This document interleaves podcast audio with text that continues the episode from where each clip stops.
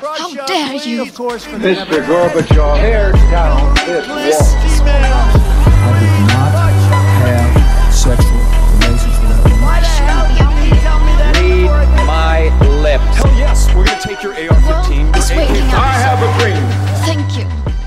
Ja, det har snart gått, eh, ja, det har gått over en måned eh, siden Hamas eh, gjennomførte sitt eh, terrorangrep, eller ja, for det var egentlig flertall, ikke bare ett, men uh, en mengde forskjellige angrep i, uh, i Israel, uh, som var det største angrepet der, og som har Vi ser jo dødstall på over eh, 1400 mennesker. Og angrepet var jo forferdelig, og det vi nok kan kalle egentlig krigsforbrytelser eh, eh, og brudd på, på, på folkerett, og et eh, sånn som ofte Sånn som terrorangrep er. Eh, og så har det jo eh, eskalert eh, etter det, eh, fordi Israel har jo måttet svare på eh, eh, Hamas sitt angrep, eh, og det har de jo gjort ved å egentlig eh, omringe Gaza by. For så vidt på en måte delt det i to, eh, og starta en massiv bombing av, av eh, området, eh, som, som per nå i hvert fall har krevd over 10 000 eh, liv. Eh, jeg så senest i dag at eh, en talsperson for Det hvite hus var ute og sa at For Joe Biden hadde jo sagt at Hamas eh, haussa opp dødstallene, men jeg så i dag at Det hvite hus var ute og sa at eh, dødstallene er nok mye mer, mye mer enn 10 000. Uh, når, du, eh, eh, når du får rydda opp alle bygningene. Uh, og da er poenget det at eh, det er altfor mange mennesker som har dødd eh, i denne konflikten, som eh, som bare har eskalert, og det er jo mange, mange sider ved dette. Vi snakka om noe om det i en, i den, en forrige podkast, Harald. Vi skal følge opp dette med gjennom flere podkaster òg. Eh, og det er så fryktelig mye å ta tak i, men eh, jeg tenkte Og vi skal jo bare ha noen refleksjoner i denne episoden rundt det som skjer. Eh, og jeg tenkte igjen så kunne jeg jo starte med eh, Starte med det som på en måte jeg kan best, da, og som jeg har brukt eh, over et tiår på å studere, og det er jo bekjempelse av terrorisme. Eh, og, og jeg har jo eh, Grunnen til at jeg starta eller blei veldig interessert i bekjempelse av terrorisme, det har egentlig mest med at da jeg begynte å studere bekjempelse av terrorisme, så så jeg veldig raskt, i hvert fall for min egen del, at rent empirisk så virka krigen mot terror mot sin hensikt. Altså, det var åpenbart at vi gjorde en del handlinger i Afghanistan, Irak f.eks., som åpenbart var i strid med våre verdier og prinsipper. Eh, og så virka det til å bare skape mer terrorisme. Rent empirisk så så det ut til å skape mer terrorisme. Uh, og uh, vi hadde jo en podkast her med Thomas Hegghammer, blant annet, for, for en stund siden, og han uh, går jo empirisk gjennom det samme og viser jo at krigen i Irak, f.eks., har vært den viktigste pådriveren eller årsaken for global jihadisme siden 2003. Eh, og eh, noe av det som også var min bakgrunn, var det at eh, problemet med sånn som krigen mot terror ble kjempa, da, veldig militært, var det at vi fikk veldig mye unødvendige sivile tap. Altså det var Vi klarte ikke skille mellom ordentlige terrorister, faktiske, og sivilbefolkning. Og det gjorde at volden skapte mer vold. Eh, vold avler vold, rett og slett. Og det har vært min hovedmotivasjon. Eh, jeg har fått mye kritikk eh, fra en del sånne nettkrigere og sånn, om at eh, jeg, jeg, jeg må jo åpenbart hate Vesten og sånn jeg kritiserer krig mot terror, men det handler jo ikke om det. Det handler jo bare om at eh, vi kan gjøre ting veldig mye bedre. Vi har kunnskapen til å gjøre ting bedre, vi kan gjøre det billigere, mer effektivt, og vi kan spare menneskeliv.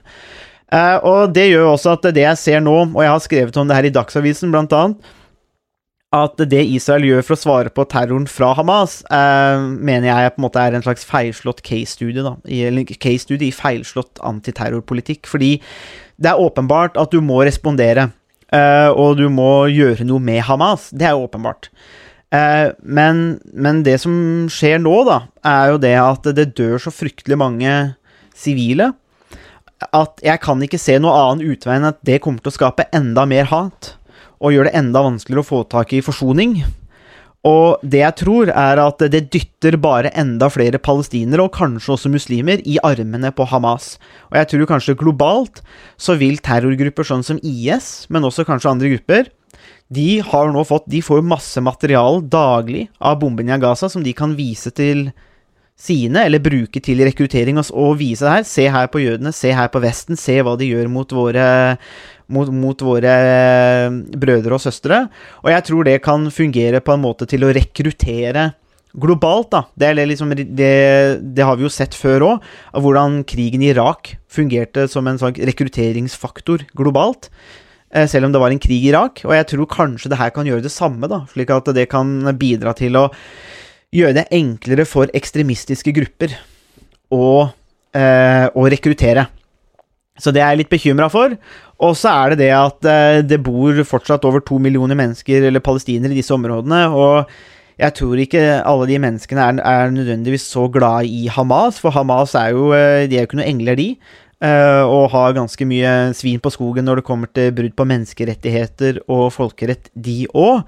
Uh, og da har jo på en måte mitt anliggende vært at um, skal man klare å forebygge framtidig terrorisme, så må man gi palestinerne en vei ut som ikke inkluderer Hamas uh, eller andre ekstremistiske grupper. Og da må man ha noen seriøse politiske løsninger. og det som jeg ser litt som jeg syns er trist, er det at all den voldsbruken fra begge sider, det lukker rommet for politisk løsning, resolusjon og forsoning. Uh, slik at desto lenger dette her går, desto verre blir det egentlig å se for seg en vei framover. Og det ser jo ikke ut som at noen av partene har noen planer heller, annet enn å krige. Uh, og da er det egentlig bare menneskelig tragedie og katastrofe som står på menyen. Uh, og det, det, er det jeg tenker, da, som sånn rent uf, sånn, det første umiddelbare tanken, da. Men for å ta um, utgangspunkt i noe av det siste du sa. Det er få planer fra begge sider, uh, bortsett fra en uh, militær løsning. Mm.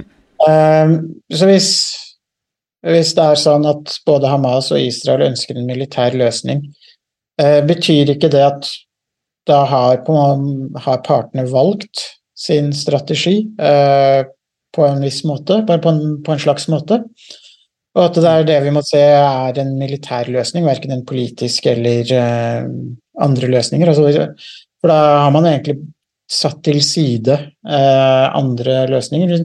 Noen av de intervjuene som representanter for Hamas eh, har gitt de siste ukene, der har de jo gjentatt at de vil gjøre det ti ganger, hundre ganger. på en måte. De vil gjennomføre den type aksjoner som de gjorde 7.10, igjen og igjen til Israel eh, er blitt oppløst som stat eller forsvunnet som stat. Eh, og en del av den retorikken man også hører fra israelske politikere, um, mm. er jo også svært uforsonende. Og mm. um, så tyder ikke det på at uh, det vi må forvente oss, er egentlig en militær uh, løsning, uh, først og fremst. Mm. Det er det som vil Det vi må på en måte sitte og vente på i ja, eh, hvem vet. Ingen vet jo hvor lenge. Om det vil ta dager, uker, måneder. Altså, rent empirisk så skjer det ikke. Uh, rent empirisk så er det svært få terrorgrupper som blir oppløst, f.eks. Hvis, man hvis man bare tenker terrorgrupper, da, så er det svært få som blir oppløst militært. Altså bekjempa militært. Eh, den, den, aller største faktoren for oppløsning av terrorgrupper er faktisk politiske eh, forhandlinger da, eh, og forsoning. Sånn, det, det vi ser fra datamaterialet. Så det er en sånn illusjon om at, om at de bekjempes militært og dermed blir borte. Det er jo bare å se på ETA eller IRA f.eks. ANC til dels, kanskje, i, i Sør-Afrika, som også begikk terrorisme, men som, men som forvandla seg holdt jeg på å si, til et slags politisk greie. Tamilske tigrene ble bekjempa militært, uh, men, uh, men, de var egentlig allerede kokt før de blei tatt av lankesiske myndigheter.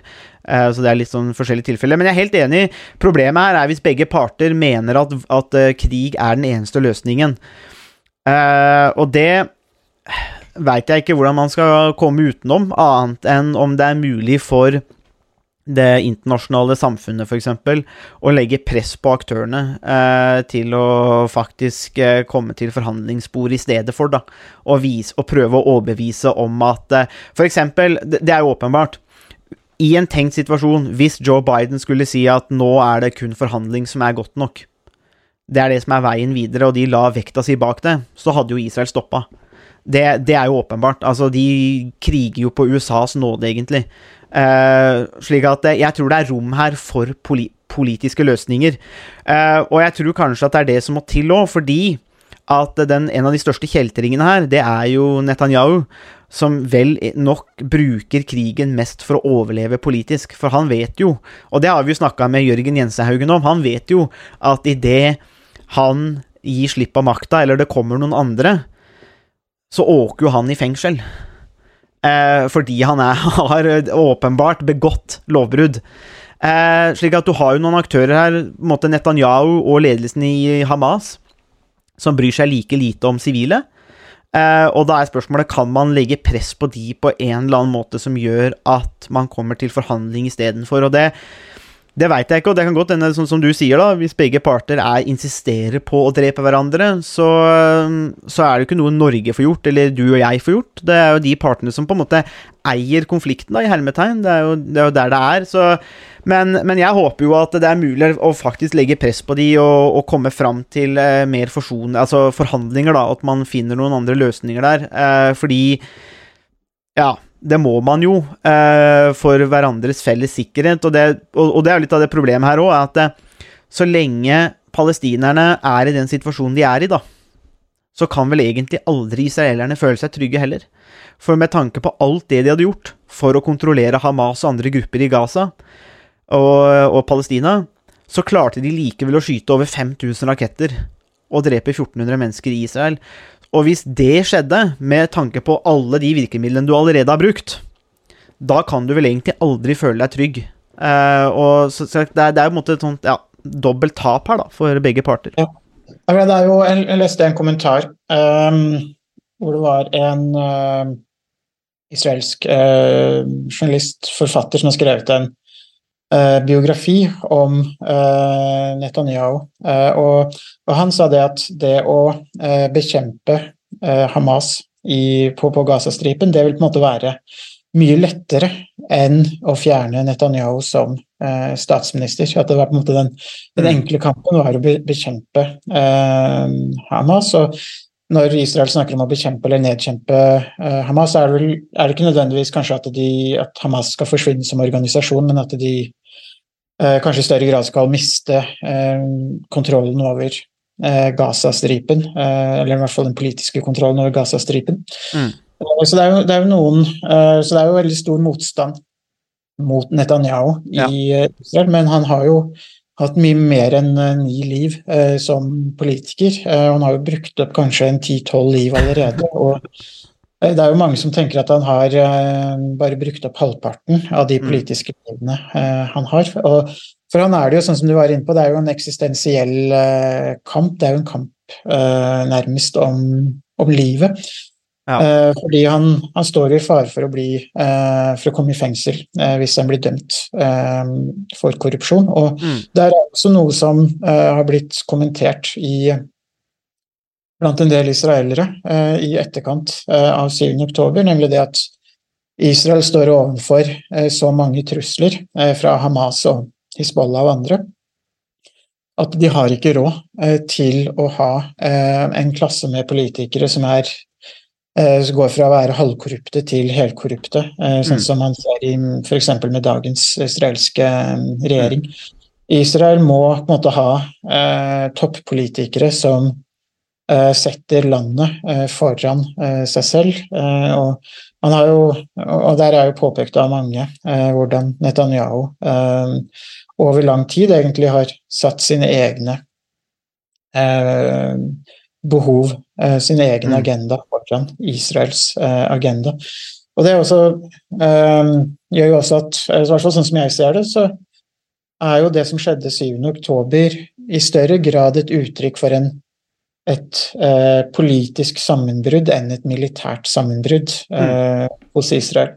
Det er mer et uttrykk for at eh, den politiske situasjonen uh, gjorde at man mista fokus uh, på etterretning, eller på, en måte den riktige formen for etterretning, eller det å kunne plukke opp de, de signalene som mange også har påpekt, var mm. ganske åpenbare, både uker, i uker og måneder før det som skjedde 7. 7. oktober. Så det er kanskje mer et spørsmål om eh, en politisk At har så, Israel har gjort seg sårbare gjennom et politisk dysfunksjonelt eh, dysfunksjonell situasjon, mer enn at militæret eh, i seg selv eh, har svikta. For militæret handler jo på ordre Mm. eh, fra politikerne, og det er jo også politikerne som eh, til en viss grad setter eh, de, en del av de priorite prioriteringene som militæret skal jobbe, jobbe etter. Mm. Eh, Så sånn for Israel så er det kanskje et, et, altså sånn et viktig veiskille Ja. politisk.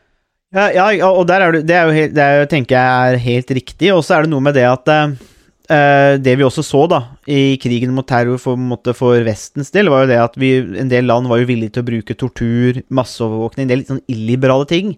eh, som på en måte ingen bør være stolte av. Og det som jeg er bekymra over da, er jo det at eh, Så du har Netanyahu eh, og hans eh, høyreekstreme venner i de ulike partiene som forsøker å på en måte ødelegge den israelske rettsstaten og demokrati innenfra. Eh, og nå får de på en måte den situasjonen her som på en måte eskalerer den prosessen. Og det som jeg uh, syns er veldig trist, er jo det at du har jo sterke demokratiske krefter i Israel, men de blir jo totalt overkjørt. For i det klimaet som hersker nå, så forsvinner på en måte perspektiver, det forsvinner nyanser, og så forsvinner de der, de der kjedelige tingene som heter rettsstat, liberale rettigheter, liberale prinsipper og demokrati. For det passer på en måte ikke inn da, når man kjemper der. og det det tenker jeg er veldig, er veldig tragisk, da, hvis du går til en av de mest kjente terrorforskerne fra Nord-Irland, som forska på Nord-Irland, Richard English, professor ved St. Andrews, og han eh, har jo dokumentert på en måte hva er lærdommene fra krigen, eller i Nord-Irland, da, konflikten der, og han skrev han, han, et av hans hovedpoenger er det at uh, i sånne situasjoner så er en av de viktigste tingene å ikke overreagere. Og, det er, veldig, det og det er, det er kanskje lett å si, men det er basert på konflikten i Nord-Irland. Og det var det England gjorde etter hvert, altså britiske myndigheter etter hvert gjorde. De overreagerte ikke, så bare kalte de det troubles, og så dyssa de det ned, og så, så behandla de dem som vanlige kriminelle, osv. Og det gjorde mye for å deskalere situasjonen litt, men også for at myndighetene fikk mer kontroll over det. Eh, og så gjør det noe med, med, deg som samfunn, da, eller det samfunnet du lever i.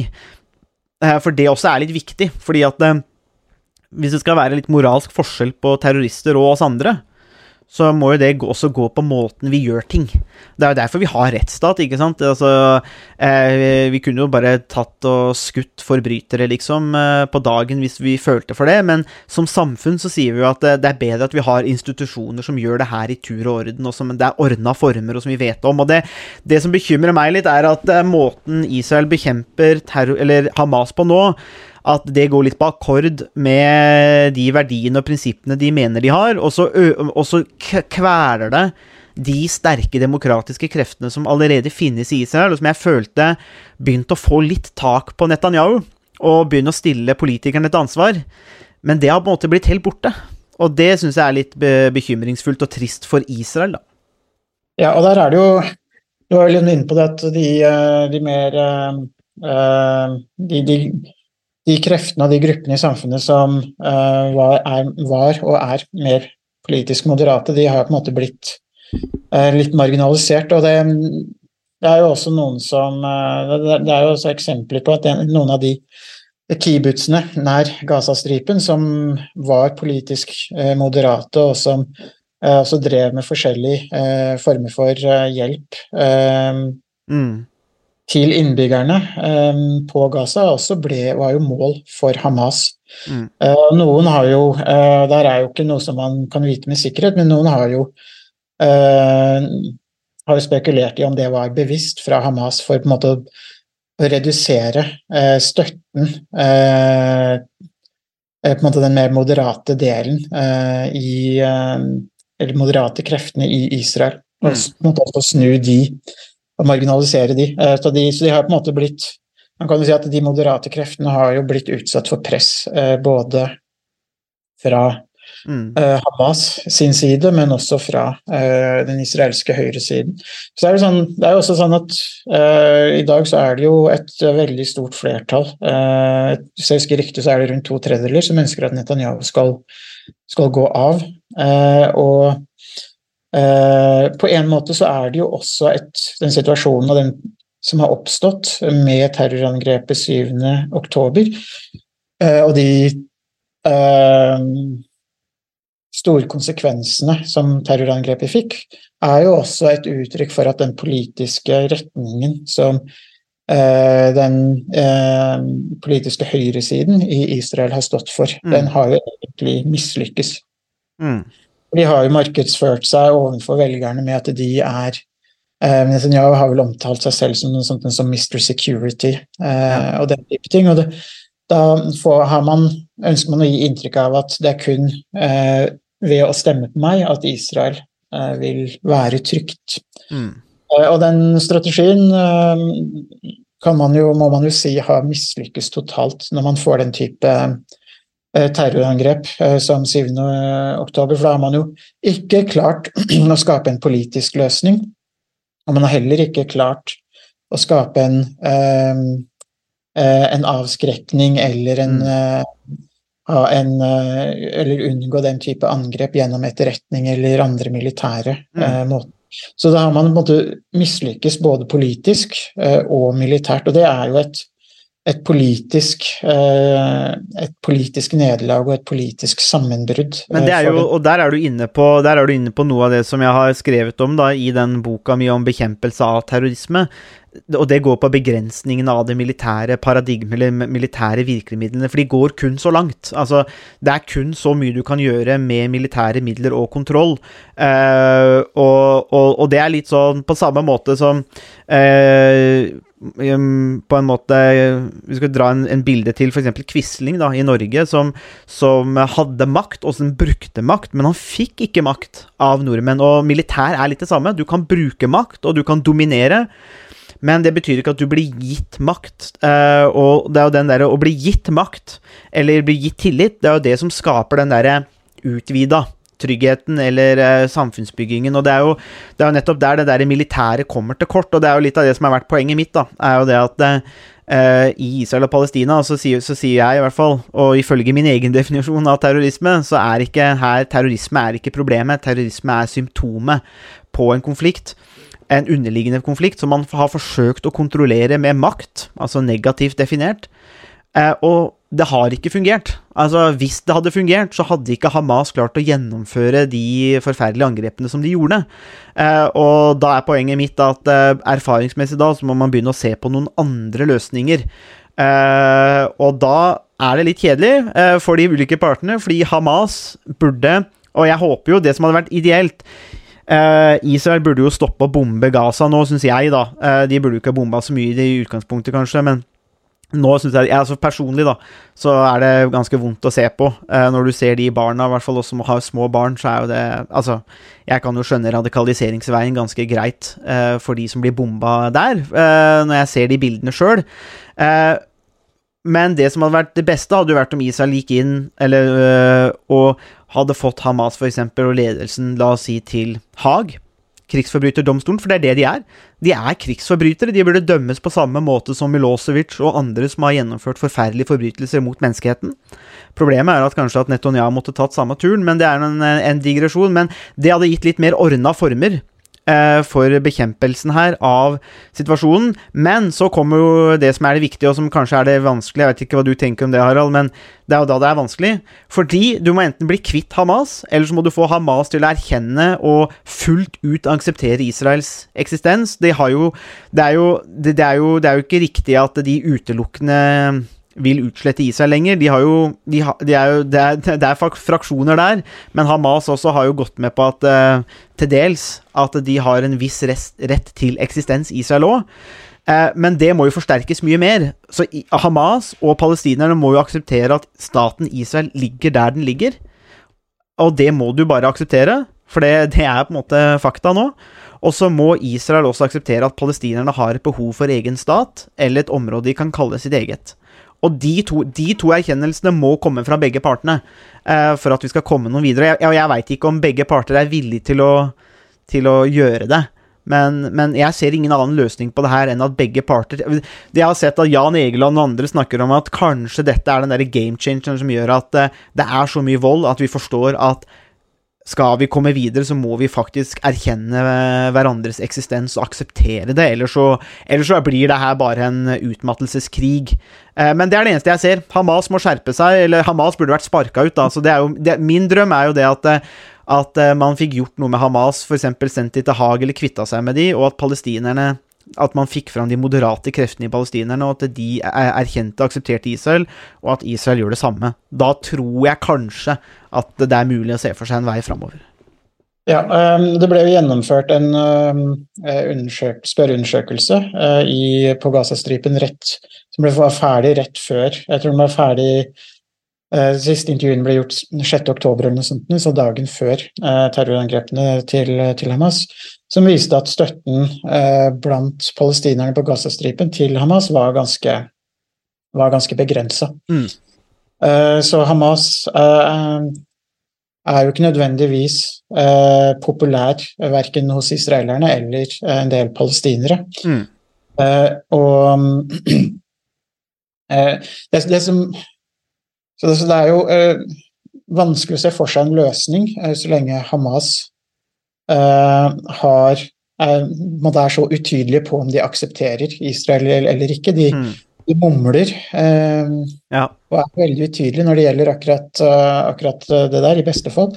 Og det er jo også litt det her er jo også litt Det er jo en dynamikk mellom Hamas og den høyreorienterte, eller høyreorienteringen i israelsk politikk mm. de siste 10-15 årene også, hvor um, Netanyahu og andre um, politikere på høyresiden har jo pekt på Hamas og sagt at vi kan jo ikke ha noen tostatsløsning så lenge Hamas står i veien for det. på en måte Bruk det som en, en slags uh, unnskyldning eller begrunnelse uh, for å ikke uh, komme med innrømmelser eller innfri mm. noen av de forpliktelsene som en tostatsløsning ville, ville innebære.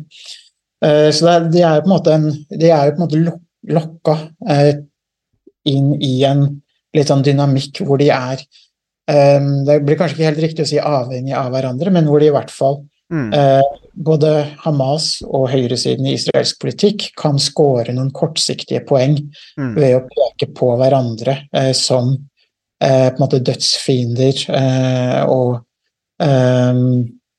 at hvis det ikke er for Hamas eller høyresiden i Israel, så vil måte de respektive folke, folkene uh, være utrygge. Så hvis det ikke er for Hamas, så er palestinerne utrygge, og de, de vil ikke klare motstandskampen mm. eller å få en, en, egen stat. Og det samme sier Israel, at hvis det ikke er for Uh, for uh, høyresiden, som er på en måte aggressive og holder Hamas i sjakk, så vil de liksom bare Eh, løpe, løpe oss over ende eh, og kaste oss på sjøen, som, eh, mm. som det noen ganger blir sagt. Og det er jo litt den, den dynamikken som skaper den, den situasjonen som, som vi står i nå, som er helt umulig. Og det er, litt, det er også litt det du var inne på, at begge partene må må komme med ganske store endringer og, og innrømmelser. Og, og, det er jo litt det som, som, er problemet, som vi også var inne på i den forrige podkasten. Uh, eh, palestinerne må akseptere en mye dårligere avtale enn det de på en måte tenker er rettferdig og som de fortjener. Ja.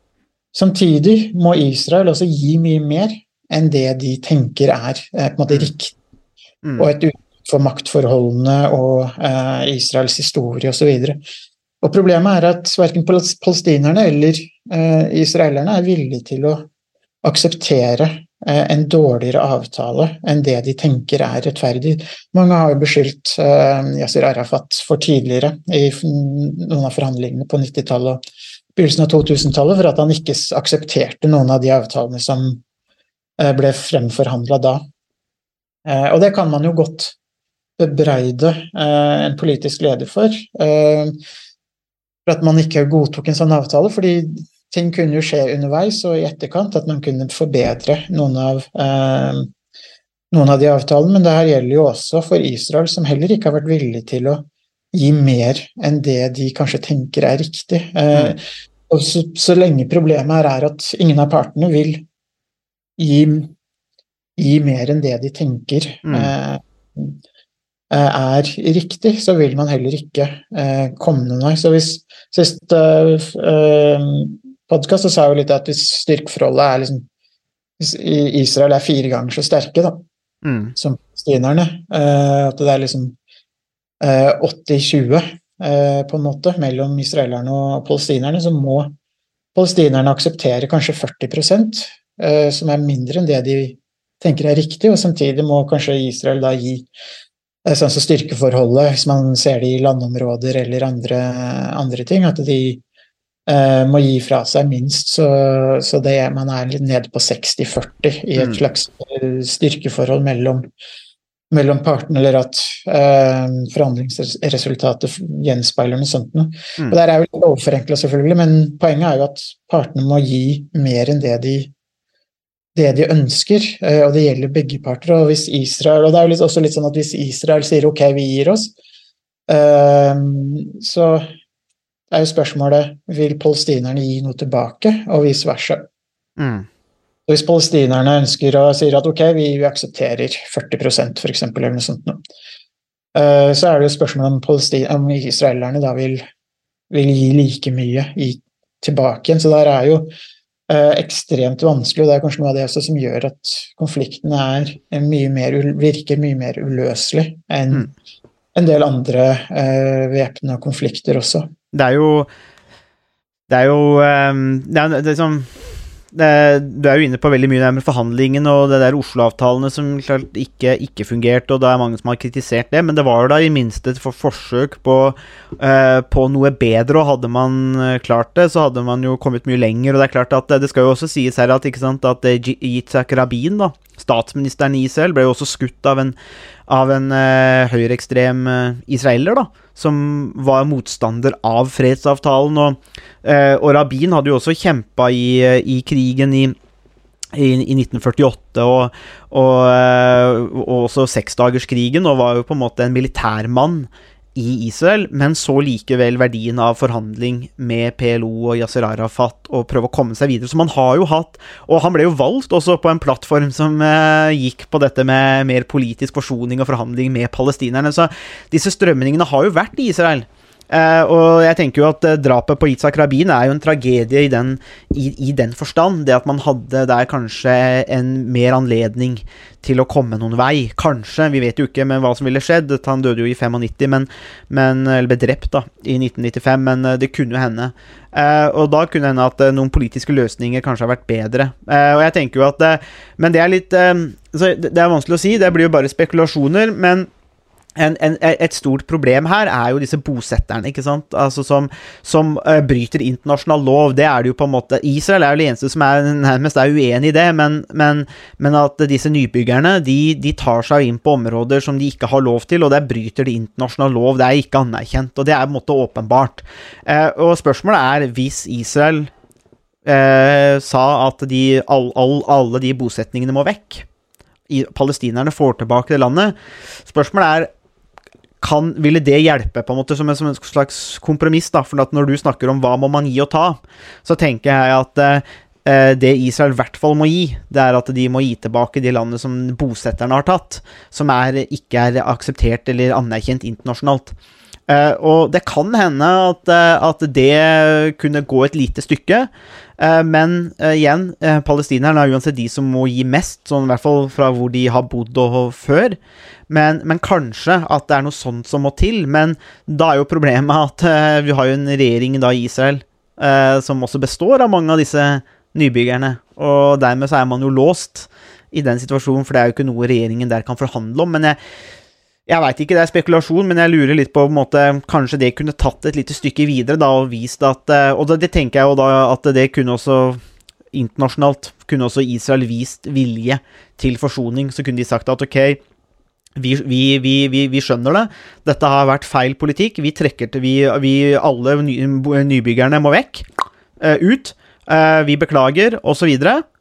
Um, og da kunne man jo tatt en slags moralsk high ground, for hvis Hamas og palestinerne angriper igjen da, kan, da kan de jo snu seg og si ok, men nå har vi jo prøvd. Nå har vi jo prøvd oppriktig med å, å trekke oss ut og inngå kompromiss, og det blir fortsatt ikke akseptert. Hva skal vi gjøre? Eh, så kanskje, det er jo bare spekulasjon fra min side, men kanskje det kunne være en form for kompromiss som kunne tatt prosessen litt videre, da.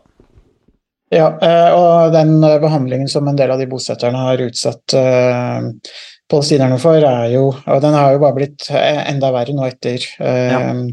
7. oktober.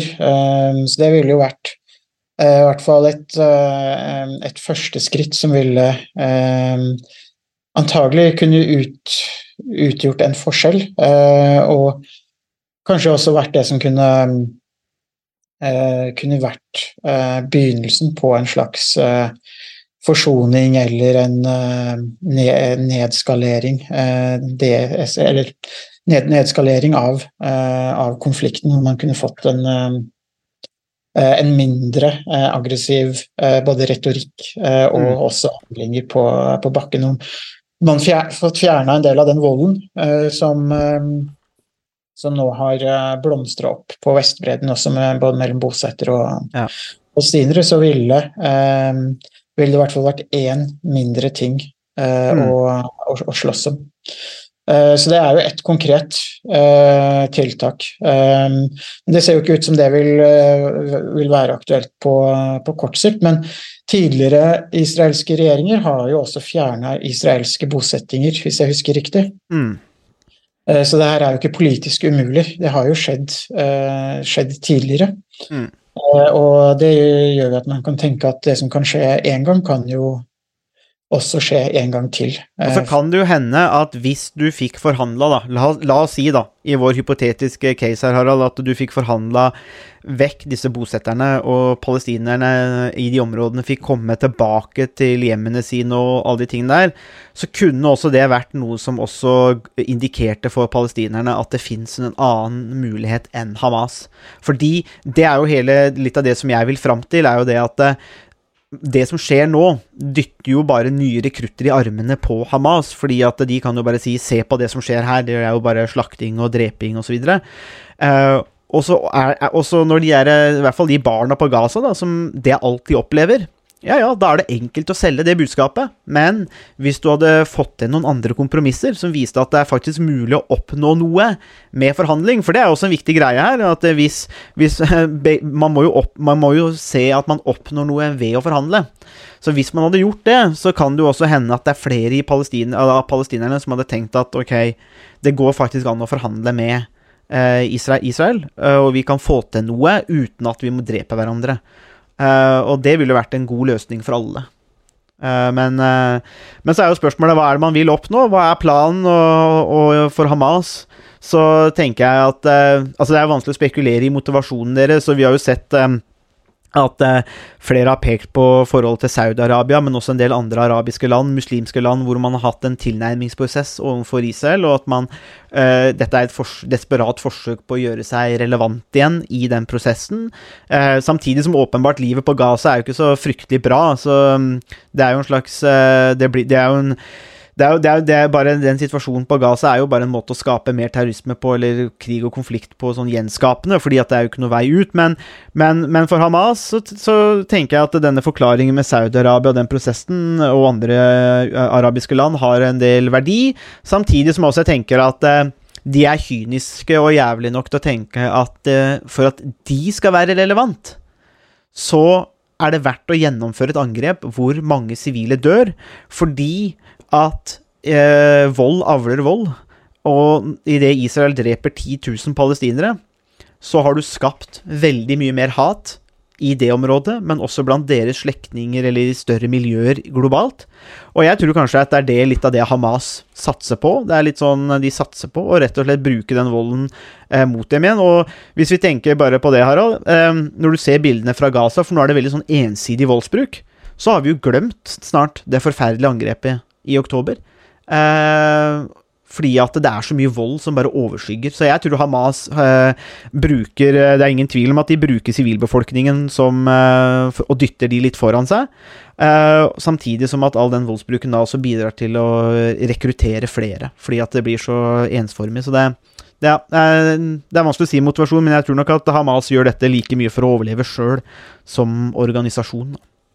Ab- Absolutt. Og så har du det mm, enda litt større bildet med Iran, eh, som eh, er en alliert eh, og en støttespiller eh, for både Hizbollah og, og Hamas. Og eh, hvis Israel hadde eh, klart å nærme seg Saudi-Arabia og flere andre arabiske land, så ville jo også Iran blitt, som en konsekvens av det, enda mer isolert i, i Midtøsten. Mm. Eh, og det vil jo, så det er, det er jo også et større spill. eh, og det som er tragisk for palestinerne, er jo at de er jo brikker i et større politisk spill. eh, og man kan jo liksom spørre hvor mye er det egentlig Iran bryr seg om palestinerne når det kommer til et stykke, eller Ja. er Irans strategi å fremme iranske eh, interesser og regime i eh, Iran? Eh, og det, Palestinerne er jo eh, mellom barken og veden, for å bruke en litt eh, forslitt klisjé. De, de blir bomba av Israel, og de blir også brukt av Mm. andre politiske grupper og krefter i Midtøsten. Eh, som et slags eh, som, som, slags, eh, som brikker i et, eh, i et større spill til større stater. Og det, så det er jo det tragiske. Så palestinerne får jo ikke noe, noen, noe oppriktig støtte eh, fra mange arabiske stater eller fordi de er redd for eh, fordi Iran og andre ønsker å bruke palestinerne eh, Mm. til, til å fremme sine egne interesser. Så det er, også, det, er jo på en måte det er dobbelt tragisk i, eh, i situasjonen. Mm.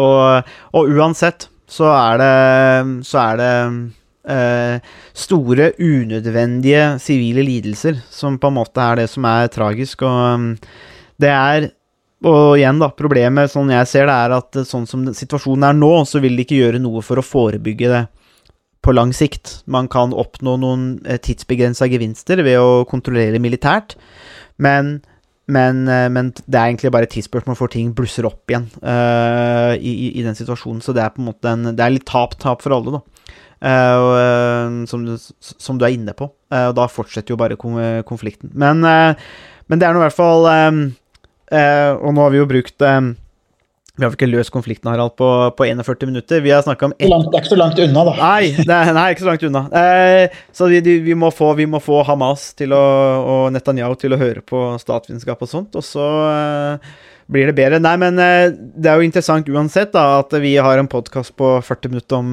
egentlig bare ett tema, eh, og så er det 1000 andre eh, å, å prate om. Og det, det, er litt, for det er litt sånn forslitt å si at konflikten er veldig sånn kompleks og vanskelig og de tingene der, men, men den er jo det. Eh, når, når, når vi på en måte bruker så mye tid bare på det der med bekjempelse av terrorelementet, og du snakker om på en måte Vi har disse dynamikkene på bakken eh, mellom Palestina og Israel, og så har du også makronivå ikke sant, mellom de ulike statene. Så det er jo veldig mye som, som, som, som foregår her, som gjør det veldig vanskelig. vi har, ikke, vi har ikke vært inne på verken Russland eh, og Kina sin respons eller USA sin, eh, Nei. sin på en måte hvordan de, de store eh, statene i verden eh, forholder seg til, eh, til krigen som pågår nå. Mm. Eh, så her er det jo Så vi har jo egentlig bare fokusert på en bitte liten del av en, en ganske stor, ganske mange temaer, en ganske stor konflikt som vi kunne lagd podkast om hver eneste dag hvis vi, Ja. hvis vi Det er en Men konflikten eh, fortsetter i hvert fall. Det ser ikke ut til å, å roe seg eh, med, med det første, og vi kommer jo til å følge opp det her i, eh, i flere podkaster, men dette handler i hvert fall litt om, om bekjempelse av terrorisme og konfliktløsning, som er egentlig det det handler om her. I denne konflikten her, vi har, det vi har sett så langt. Vi, sett terror, vi, vi ser terrorisme, og vi ser eh, manglende, in, manglende innsats, eller plan, kanskje, for konfliktløsning, som er også vedvarer. Og dessverre så får vi jo eh, store menneskelige lidelser eh, mens dette pågår. Eh, og bare sånn, når du nevner hva med de tingene vi ikke har nevnt eh, Det foregår jo en krig i Ukraina òg. Som krever ganske mange menneskeliv òg. Så det er jo to store konflikter som nå virkelig definerer eh, dagsorden og det internasjonale samfunnet eh, som, vi, som vi er i nå. Så folk trodde at det på en måte var, eh, skjedde mye under pandemien, og at det var store greier, så har det på en måte ikke tatt noe pause, kan du si, eh, etter, etter pandemien. Det har på en måte bare fortsatt. Eh, så vi får følge med videre, men det er i hvert fall en, liten oppdatering fra statsvitenskap og sånt eh, på krigen i Midtøsten. Takk for at eh, du hørte på Statsvitenskap og sånt. Har du spørsmål, kommentarer eller tilbakemelding, så er det bare å ta kontakt på vår Facebook-side, per e-post eller brevdue. Musikken er som vanlig laget av Robin Horvath, og Mats Halvorsen mikser og redigerer podkasten. Vi høres!